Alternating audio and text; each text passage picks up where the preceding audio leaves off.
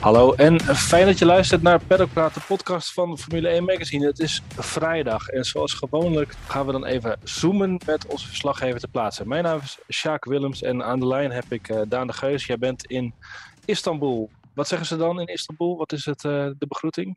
Meharab? Uh, als jij het zegt, uh, Sjaak, dan uh, okay, okay. zal, ik dat, zal ik het niet onthouden. Meestal, zoek ik het, meestal zoek ik het wel even op van tevoren ja. bij een Grand Prix. Hoe je hallo en dankjewel zegt, maar ben ik nu nog niet aan toe. we kunnen het altijd nog uitknippen. Laten we beginnen, maar gewoon beginnen met Max Verstappen vandaag. Want de geluiden die uit zijn cockpit klonken en ook naar de hand, die waren niet al te positief over nou, hoe het ging in de twee vrije trainingen.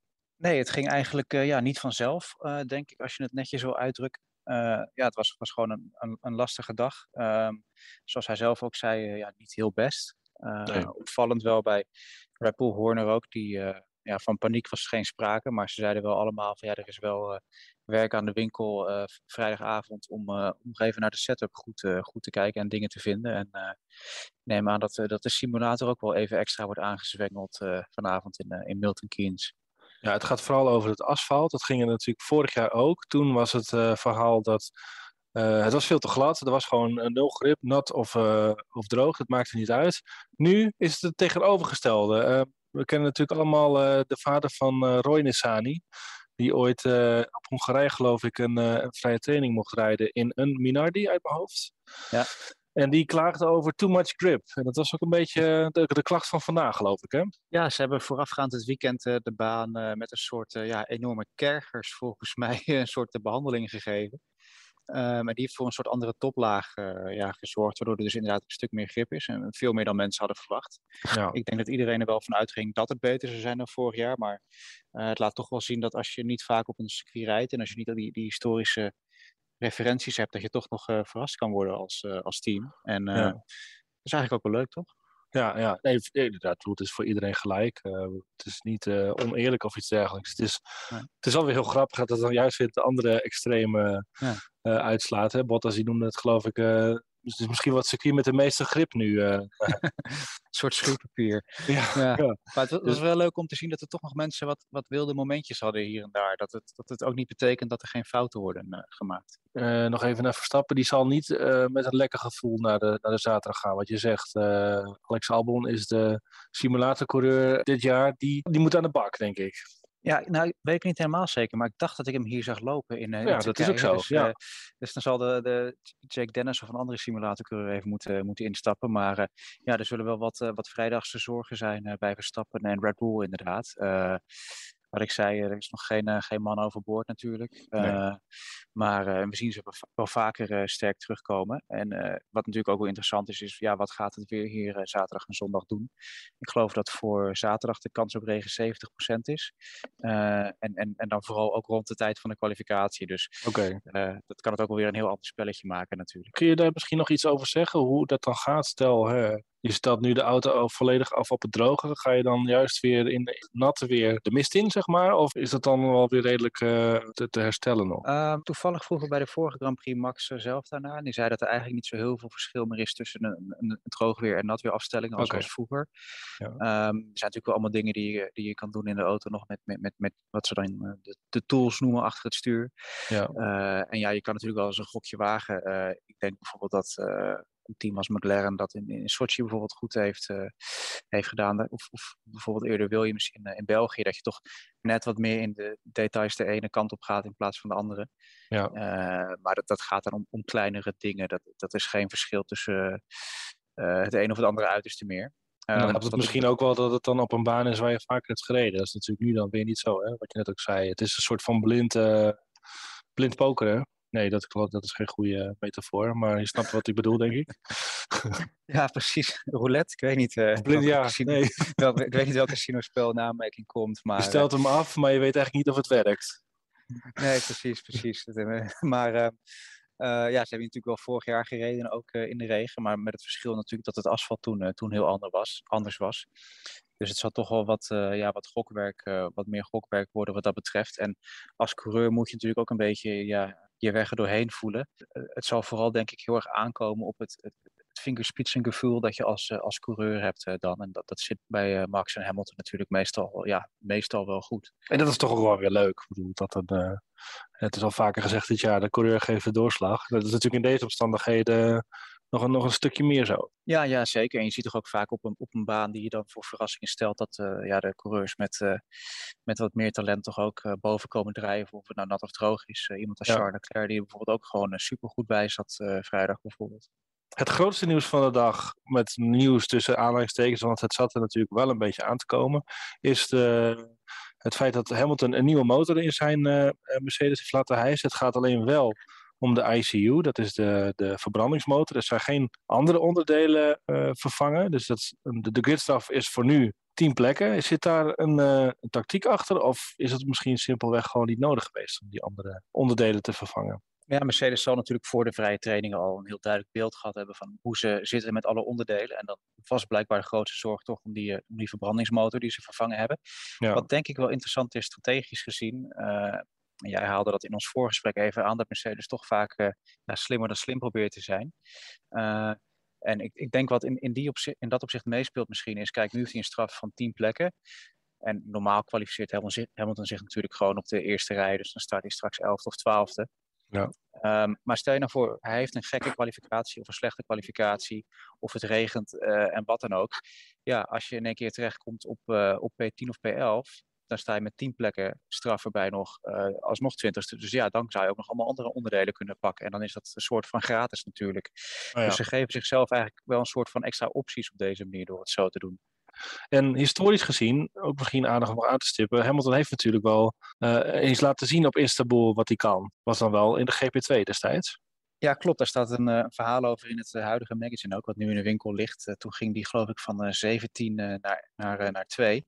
Echt een geweldige inhoudrace. Dat echt mensen passeerde op manieren dat hij ook later dacht van ja, hoe, hoe is dat me gelukt? En waarom renden ze allemaal zo vroeg? Dus dat was wel grappig. Dat was ook een van de redenen die Andrew Shovlin bij Mercedes aanhaalde om dus voor Turkije te kiezen als race voor die motorwissel. Dat Hamilton die, ja, die geschiedenis die heeft en dat vertrouwen van oh, ik, ik kan hier als het moet wel, wel een inhaalslag leveren.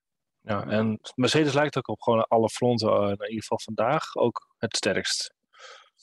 Ja, ik denk dat dat wel evident is dat uh, straatlengte voor is misschien te groot, maar de, de vrijdagvorm was echt mega indrukwekkend. En uh, ja, als je dan een situatie krijgt straks misschien met Bottas op pol en Hamilton die vanaf 11 komt en ze komen elkaar halverwege de race of later in de race tegen, dan weten we ook wel hoe het, hoe het gaat natuurlijk. Ja, ja.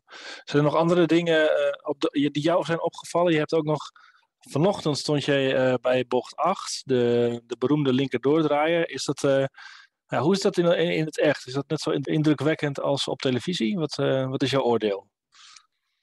Nou, eigenlijk vond ik op tv het, het snelheidsgevoel wat meer overkomen. Ja. zeker, zeker in de onboards. Dus ja, dat viel me een beetje tegen wat dat betreft. Maar je staat er ook best wel ver vanaf. Want die uitloopschoon is natuurlijk enorm. Want ze rijden daar 260, 270. Dus als ze daar afklappen, dan, dan moet er wel wat uitloop zijn natuurlijk. Ja. Maar ja, het, het, blijft gewoon een wel een indrukwekkende bocht. Hè. Ze gaan daar drie keer heel hard naar links. En eigenlijk is de truc vooral natuurlijk zo min mogelijk snelheid te verliezen terwijl je dat, terwijl je dat doet.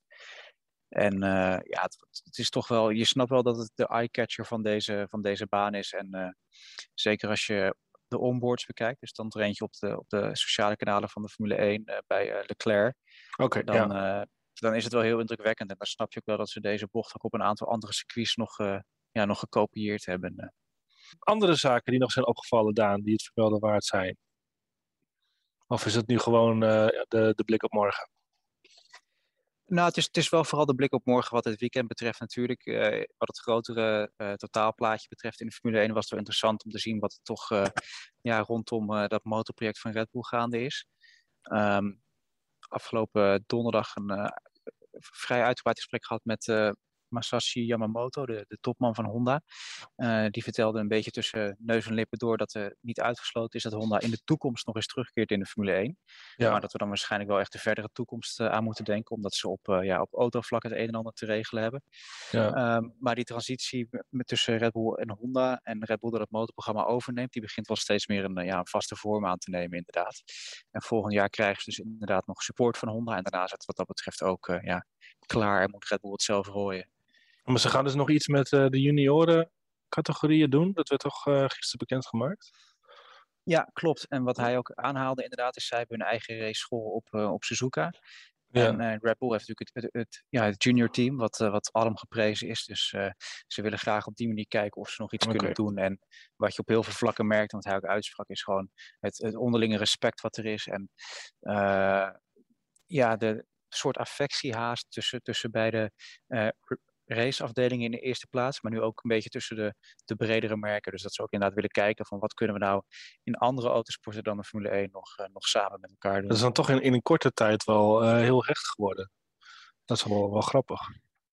Ja, ja, het is uh, drie jaar, dus te lang om van een flirt te spreken. Maar ze zitten wel nog volop in de witte broodsweken. en er zijn toch huwelijken waar dat niet het geval is, nee. volgens mij. Als je het even afzet tegen hoe het met McLaren, dan de tweede ja. relatie en het Alonso-tijdperk, dat was toch even andere, even andere koeken. En ik vind ook zo van de buitenkant, misschien zie ik dat niet goed hoor, maar alsof ze het, uh, ze hebben het wel moeilijk mee om, om het los te laten. Dus op, uh, alsof ze op allerlei manieren toch nog een beetje aan het been van Red Bull vasthouden, zeg maar. maar uh, misschien zie ik daar te veel in. Nee, zeker niet. Want wat hij ook heel erg aanhaalt, die Yamamoto, het is natuurlijk het hoofd van, van ja, het, het raceteam, of wat hij hier dan uh, trackside noemt, is dat zij eigenlijk allemaal door wilden gaan en dat de beslissing om te stoppen dus echt uit het hoofdkwartier is gekomen. Ja, ja. Om onbegrijpelijke redenen wel, vindt hij ook. Maar uh, eigenlijk iedereen bij, bij het raceteam, die, die baalt er enorm van. En die was maar wat graag uh, doorgegaan. met, en dan gaat natuurlijk ook behoorlijk wat door bij Red Bull Powertrains uiteindelijk.